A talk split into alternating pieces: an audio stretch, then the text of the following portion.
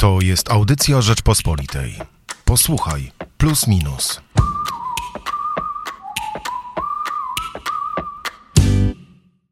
Tym tygodniu w magazynie Plus Minus zajęliśmy się tym, jak realne konflikty polityczne, a często także zbrojne, znajdują swoje odbicie dziś w mediach społecznościowych na Facebooku, Twitterze, no ale też coraz częściej na TikToku, Instagramie i na innych mediach, z których korzysta głównie młodzież. Wojna na zdjęcia i emocje.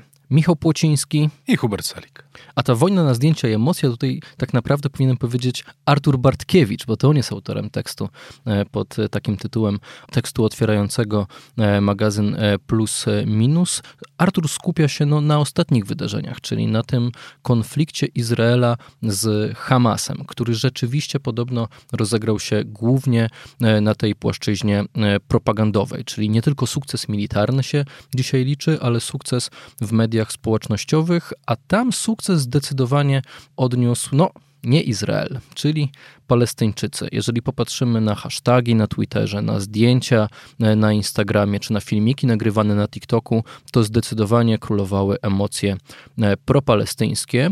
I co ciekawe, ten konflikt i jakby stanięcie w obronie, szczególnie przez młodych ludzi, e, w obronie Palestyńczyków wpisało się w poprzednie protesty, szczególnie w Stanach Zjednoczonych i w krajach anglosaskich, które odbywały się pod hasłem Black Lives Matter.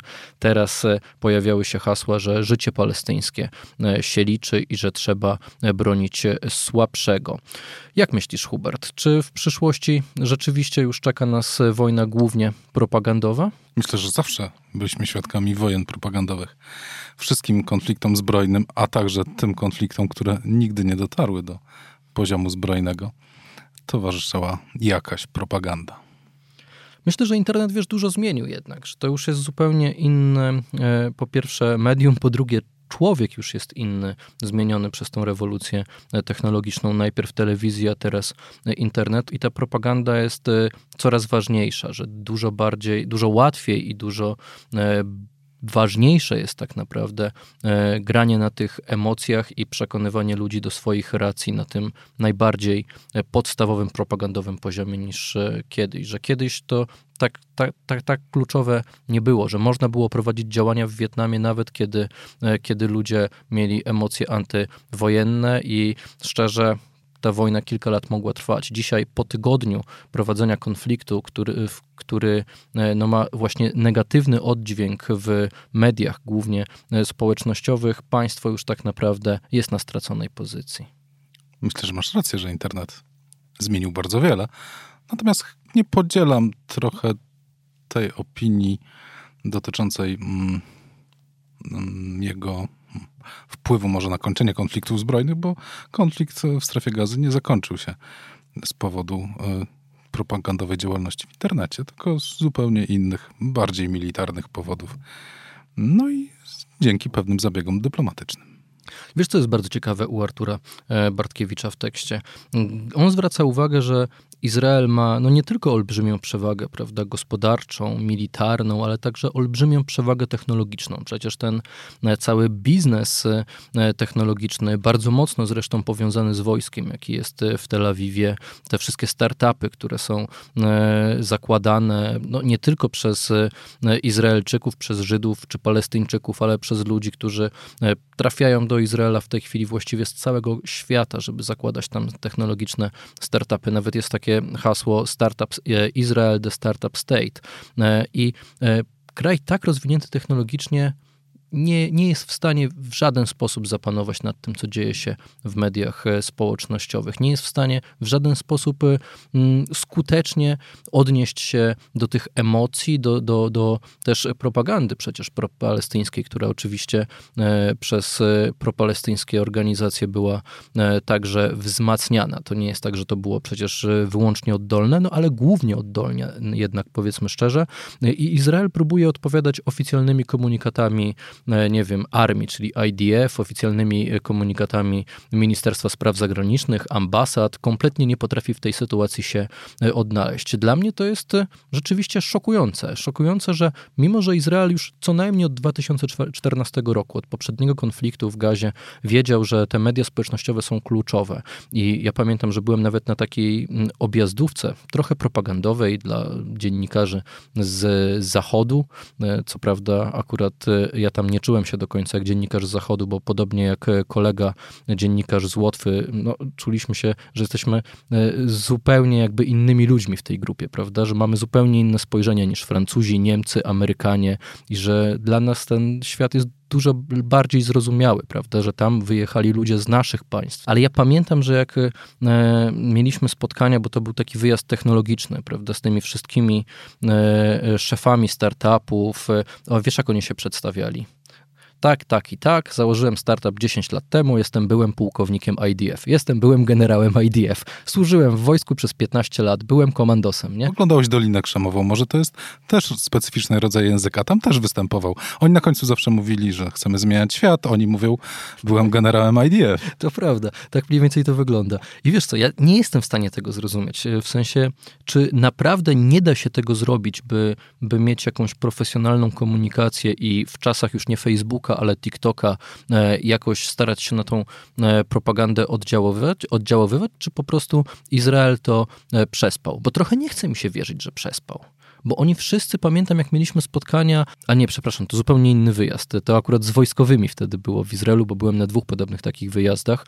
E, niektórzy mi zarzucali, że po co jedziesz na taką propagandowy wyjazd. Ale byłeś kiedyś na, wyjazd, e, na wyjeździe zorganizowanym przez Palestyńczyków? Nigdy, nigdy. No to ciężko mieć zarzuty, że Izrael nie przykłada pewnej wagi do propagandy, bo zapraszanie dziennikarzy na wyjazdy też jest rodzajem wywierania wpływu i to o, jest oczywiście propagandowy. Coraz mniej skuteczny, bo widziałem jak zachowują się koledzy dziennikarze dziennikarze, którzy absolutnie tej propagandy e, nie łykali, mieli mnóstwo wątpliwości i zadawali bardzo dużo pytań, szczególnie jak byliśmy na zachodnim brzegu, e, no to po prostu grymas z twarzy nikomu nie schodził. Mi zresztą także, przyznam szczerze, ale ja bardzo chciałem poznać tą propagandę. Chciałem wiedzieć, jak Izrael przedstawia swoje racje e, i nie widzę nic złego w takich wyjazdach. No, można naprawdę zrozumieć y, chociaż na czym zależy danemu e, państwu i sobie to zestawiać e, z e, innym przekazem. Tylko, że już wtedy, zauważyłem, to był jakiś 2016-17 rok, wszyscy, jak wspominając konflikt w 2014, tłumacząc się oczywiście z tych ataków na, na, na Gazę, podkreślali, że no niestety świat już nie wspiera Izraela i już na Facebooku, nawet nie mówili wtedy jeszcze o Twitterze, a co dopiero nikt nie myślał o Snapchacie, czy TikToku, na Facebooku to starcie przegraliśmy. Czyli oni zdawali sobie z tego sprawę, że to jest bardzo ważne. Myślisz, że rzeczywiście państwa są dzisiaj na straconej e, pozycji, liczą się wyłącznie e, społeczne emocje, a społeczne emocje no, w naturalny sposób e, jednak są po stronie słabszego. Myślę, że państwa nie są na straconej pozycji. Mm, a jeśli nawet liczą się społeczne emocje, to nie oznacza, że państwa są na, ta, na tej właśnie pozycji. Myślę, że tutaj wszystkie strony wykorzystały pewne możliwości propagandowe. Trudno powiedzieć, czy Izrael nie robił tego mm, intensywnie, czy skutecznie. No to trochę odpowiedź kryje się mm, w niepoświęconym internetowi medium społecznościowym tekście Jędrka Bieleckiego w najbliższym plusie minusie. Palestyńczycy mają mm, przewagę bardzo prostą w mediach społecznościowych globalnych. Jest to liczebność. E, jest to mm, po prostu e, mniejszości muzułmańskie e, siłą rzeczy wspierają państwo autonomię palestyńską i ta narracja do nich trafia. Ludzie wychodzą na ulicę. Te protesty odbywały się w wielu krajach europejskich przeciwko temu, jak Izrael ten problem rozwiązuje. I teraz pytanie brzmi, czy to skuteczność propagandy? Mm, tego się nigdy nie dowiemy do końca. Natomiast na pewno te społeczne emocje e, wynikają z identyfikacji. Jeśli e, Palestyńczyków, e, czy może inaczej, jeśli muzułmanów we Francji jest mm, kilkanaście razy więcej niż Żydów, a jednak, o czym pisze Jędrek Bielecki, jest to najliczniejsza żydowska mniejszość w Europie, czyli tam jest prawie pół miliona mm, mm, Izraelczyków, Żydów, to i, i tak nie ma tej przewagi w, w sile protestu, no to, troszeczkę sobie na to odpowiadamy. No, świat muzułmański jest większy, dlatego łatwiej mu przełożyć się też na media społecznościowe. No myślę, że też wartości, które dzisiaj e, wyznajemy i mm, tak naprawdę ideologia, która, która w tej chwili e, króluje. Oczywiście nazywam to ideologią tak bardzo szeroko mówiąc, nie to, że chcę tutaj zarzucić, że to jest coś e, nieprawdziwego, tylko pewien taki system idei, który, który układa nam, czy, czy w głowie nam się układa w pewną całość, czy po prostu układa nam dzisiejszą bieżącą politykę, jak najbardziej nie sprzyja nacjonalizmowi po pierwsze, nie? nie sprzyja takim konstruktom sztucznym, które bardzo ważne są jednak dla e, Izraela, dla syjonizmu, dla powrotu e, Żydów do e, ziemi obiecanej, czyli coś, co dla nas było, myślę, zrozumiałe w latach 50., 60., w latach 90., kiedy można było o tym jeszcze dyskutować, to w 2021 roku państwo Izrael jest na skreślonej pozycji, bo absolutnie nie, nie, nie, nie trafia po prostu w moment historyczny też, myślę że nikt nie myśli o tym, że mm, dlaczego Izrael, Izrael powstał, dlaczego Izrael, nie wiem, tam, tam jest, dlaczego e, Żydzi e, mają takie, a nie inne podejście do organizowania swojego e, kraju, tylko króluje jednak taka prosta wizja, że oni są okupantami, że oni pojawili się w miejscu, gdzie, gdzie mieszkali Palestyńczycy, że Palestyńczycy są przez nich gnębieni, że to Palestyńczycy są tutaj tym dobrym, a e, Izrael jest po prostu agresorem. I interpretujemy ten świat bardzo czarno-biało dzisiaj. Nie ma, nie ma tutaj miejsca na, na zadawanie pytań, nie ma miejsca tak naprawdę na, na starcie idei, prawda? Tu w ogóle nie ma, nie, nie ma już stron. To nie jest tak, że jest y, jedna idea, która jest po jednej stronie, druga, która jest po drugiej. Tutaj e, zresztą Artur Bartkiewicz o tym pisze. E, tutaj nie ma starcia stron, tylko jest bardzo prosta wizja, której podważanie od razu skazuje cię na, na pewne bycie skancelowanym, prawda? Na to, że ty zadajesz pytanie albo chcesz w ogóle dyskutować, to od razu znaczy, że, że jesteś po stronie faszystów, po stronie okupantów, po stronie agresorów i że e, nie należysz do, e, do cywilizowanej e, grupy, prawda? Jesteś absolutnie wyklęty w momencie, kiedy, kiedy myślisz innymi kategoriami niż dzisiejsze. Przede wszystkim Izrael postawił na rozwiązania siłowe. To jest początek tego tak. konkretnego konfliktu. On się zaczął od rzeczywistych rozwiązań siłowych. Po drugie, Izrael zapewnił sobie e, silnego zwolennika w postaci Stanów Zjednoczonych i nie mówię tylko przez pryzmat dekad, ale mówię o konkretnym wydarzeniu, czyli o, o decyzji Trumpa o mm, dotyczącym ambasady w Jerozolimie i, i tym, że poparły to, mm, poparło to e, kilka krajów muzułmańskich wcale nie takich znaczących, trochę związanych z Saudami, a, a Saudowie byli to, tą stroną, która, która gdyby trzyma trochę e, świat e, islamski po jednej stronie, powiedzmy nawet w ryzach, albo jest się zwolennikiem Saudów, albo się, jest przeciwnikiem Saudów. E, I wydaje mi się, że logika działania Izraela była bezbłędna. Dlatego, że kiedy się okazało, że nowym przywódcą Stanów Zjednoczonych jest Joe Biden, to Izrael e, przystąpił do bardzo szybkiego zdobycia tego przyczółka, który myślał, że jest mu obiecany, bo gdyby zrobił to szybciej, e, gdyby zrobił to później, to wtedy mógłby już nie uzyskać tych korzyści rzeczywistych, a nie tylko obiecanych. Bo tak naprawdę ta decyzja Trumpa, koniec końców, nie została wdrożona w życie. Więc Izrael postanowił ten proces przyspieszyć, no, naprawdę obawiając się, że zmieniająca się sytuacja geopolityczna i zmieniające się może te kierunki polityki zagranicznej Stanów Zjednoczonych mogą doprowadzić do wycofania tego poparcia. Więc logika działań Izraela jest, no, musimy szybko zapewnić sobie to, co wywalczyliśmy na szczeblu dyplomatycznym. Czyli taktyka faktów dokonanych tak, później byłoby za późno. Więc e, i tu się nagle okazało, że jest już za późno. Że wystarczy wrzucić, jeden filmik, jak e, Żyd dyskutuje z, z wyrzucaną pale, Palestynką, żeby stał się wiralem i żeby rozbudzić wielkie emocje społeczne. Bo to jeszcze było przed atakami Hamasu, taka sytuacja. Nie chcę tutaj dezawuować mediów społecznościowych, ale nie, nie wystarczy. To, to myślę, że tutaj zadziałał więcej czynników, zdecydowanie niż ten jeden filmik. I każda ze stron mogłaby rzucić ten filmik. Ale, e, E, ale ten filmik, tak, ma znaczenie, czy ta narracja ma znaczenie z punktu widzenia sprzyjania słabszym, o czym mówiłeś, z czym się całkowicie zgadzam. W sytuacji, w której e, ktoś nagle jest e, traktowany przez, w sposób siłowy i wyrzucany z własnych domów, no to jest stroną słabszą. E, I tutaj w mediach społecznościowych strona słabsza zdobywa przewagę. Jeśli do tego dołożymy to, o czym wcześniej wspomniałem, o pewnej zdecydowanej e, no, no, nadwyżce publicity, publicity po stronie e, muzułmańskiej w ogóle w Europie, no ta sytuacja od razu jest wygrana na poziomie przekazu e, medialnego, przekazu odbywającego się poza głównym nurtem mediów, czyli w mediach społecznościowych. I tak, to były źródła sukcesu. Dlatego chciałem wrócić do początku zdarzeń rzeczywistych, bo to one trochę ustawiły, co się dalej działo w mediach społecznościowych. E, cofnę się jeszcze dalej o krok, jeśli pozwolisz, czyli do Twojej uwagi dotyczącej tego, jak bardzo internet zmienił tę narrację czy, czy, e, i porównaniu z Wietnamem. Ja nie uważam, że teraz jest to prostsze. E, znaczy, że jest skuteczniejsze prowadzenie narracji czy propagandy przez media społecznościowe.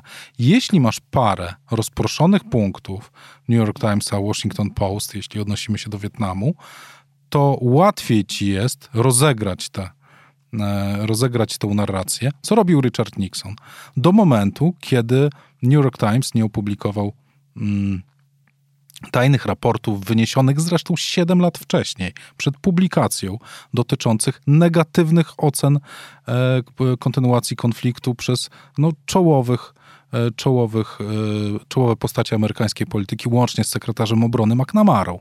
Dopiero później Washington Post poszedł tym tropem i dopiero wtedy ta narracja się odwróciła na poziomie, który miał wpływ na rzeczywistość. Bo wcześniej to były protesty, e, protesty związane mm, z ruchami pacyfistycznymi, e, powracający. Tak.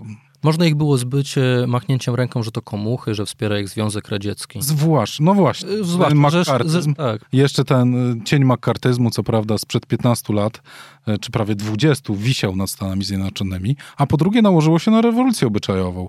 To ci ludzie z ruchu postbitnikowskiego, czy wręcz hipisowskiego, jak gdyby wyznawali te wartości ale dopiero to przełamanie tego nastąpiło, kiedy nie był w stanie Nixon kontrolować e, mediów. Tych mediów, które mamy dzisiaj, nie jest w stanie kontrolować nikt. Tutaj łatwo, nawet źle, muszę cofnąć, niełatwo, e, jest wyjątkowo trudno e, zdobyć przewagę. Na pozór jest to proste, ale nigdy nie znasz efektów tego działania. To jest niekontrolowalne. Tak, jest to zupełnie niekontrolowalne. Tam jesteś w stanie wywrzeć pewien rodzaj, kiedyś byłeś w stanie wyżyć pewien rodzaj nacisków. Nixon zresztą po raz pierwszy w historii Stanów Zjednoczonych zagroził New York Timesowi mm, no, wstrzymaniem, zakazał publikacji materiału, e, łamiąc Konstytucję Stanów Zjednoczonych. New York Times wtedy wycofał się z tej publikacji. Teraz nie masz takich możliwości nacisku. E, ale jednocześnie ta niekontrolowalność powoduje, że jesteś w wielkim oceanie i nie wiesz do końca, który filmik czy która, czy która narracja zwycięży.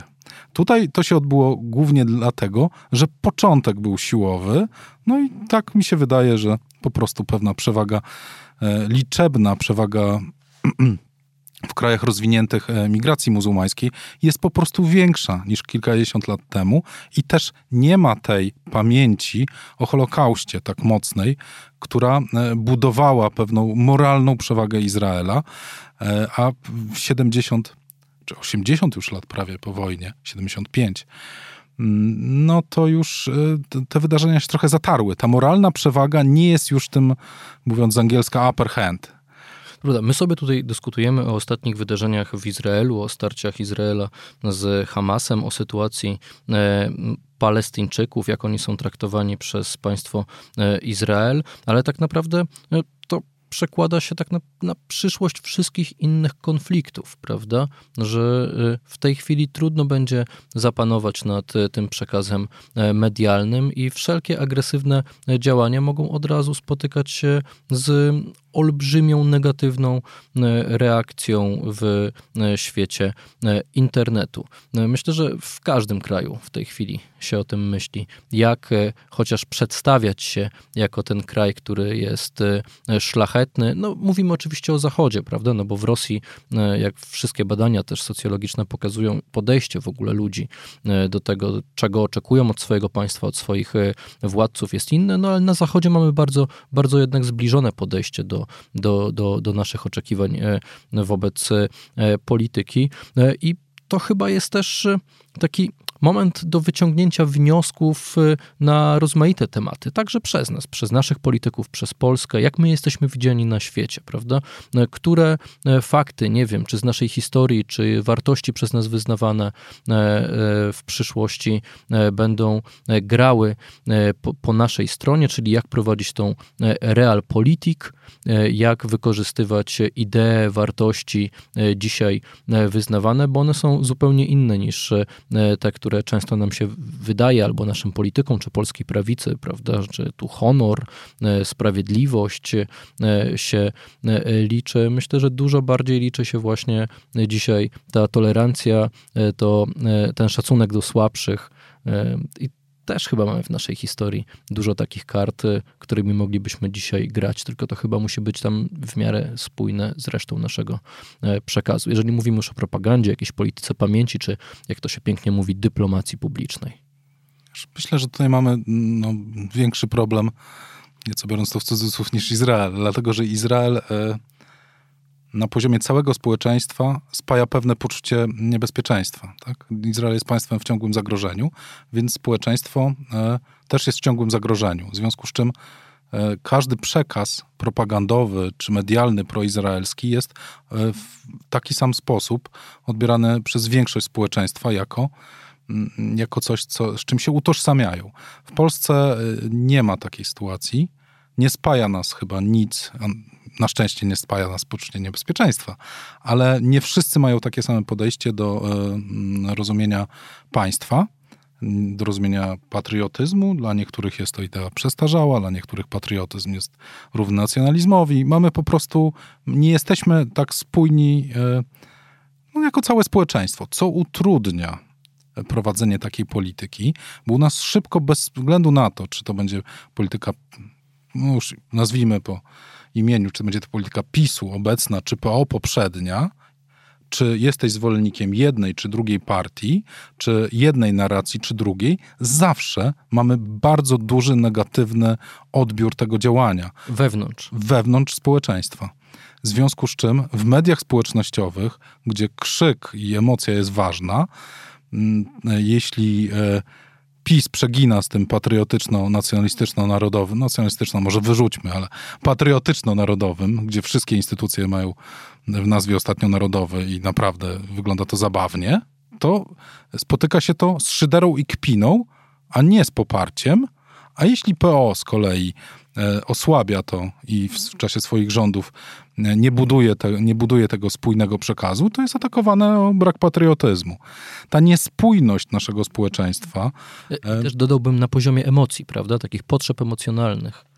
Jest też cechą demokracji.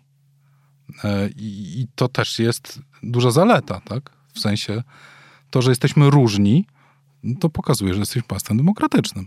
Ale jednak są kraje także mocno podzielone, niedaleko nas, jak Niemcy, także Francuzi, e, którzy potrafią dbać o własny wizerunek, szczególnie za granicą i e, zgodzić się chociaż na pewną podstawę, jeżeli chodzi o to, co dla nas jest ważne, jak chcemy się pokazywać na świecie, o jakie wartości chcemy, e, chcemy walczyć i niezależnie wtedy, czy masz poglądy prawicowe, lewicowe, nie wiem, proekologiczne, e, nawet e, socjalistyczne, czy, czy mocno narodowe, to chyba Niemcy jednak dużo lepiej potrafią się dogadać, jak walczyć tak naprawdę o swoje racje za, za granicą i jak tworzyć dyplomację publiczną, na jakich wartościach, jakie, e, jakie przekazywać tutaj. Ja bym tak zupełnie nas do narożnika nie, sp nie spychał, dlatego że przykład Nord Streamu pokazuje, że Niemcy wcale też nie byli spójni w tej komunikacji. Oczywiście z przyczyn gospodarczych do,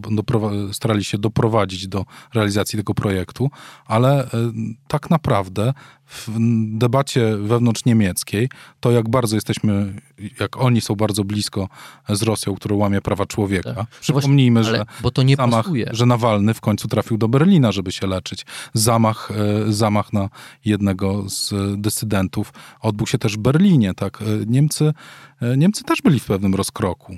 Zdecydowali się na, na, na realizację tego projektu z przyczyn gospodarczych. Dobrnęli prawie do końca, kiedy już się wydawało, że projekt się wywróci. No teraz Joe Biden e, wycofał się z no, ewentualnych sankcji. Mamy na jesieni wybory w Niemczech. Zobacz, y, jakie poparcie zyskuje i jaka jest dynamika wzrostu poparcia zielonych, którzy są Nord Streamowi przeciwni i którzy mają najbardziej antyrosyjskie podejście w, ze wszystkich głównych partii, no ze wszystkich tak naprawdę partii e, niemieckich. Nord Stream absolutnie nie pasuje do tej wizji e, Niemiec, jaką oni chcą w swojej dyplomacji publicznej e, rozpościerać na Czyli jednak Niemcy wcale tego tak...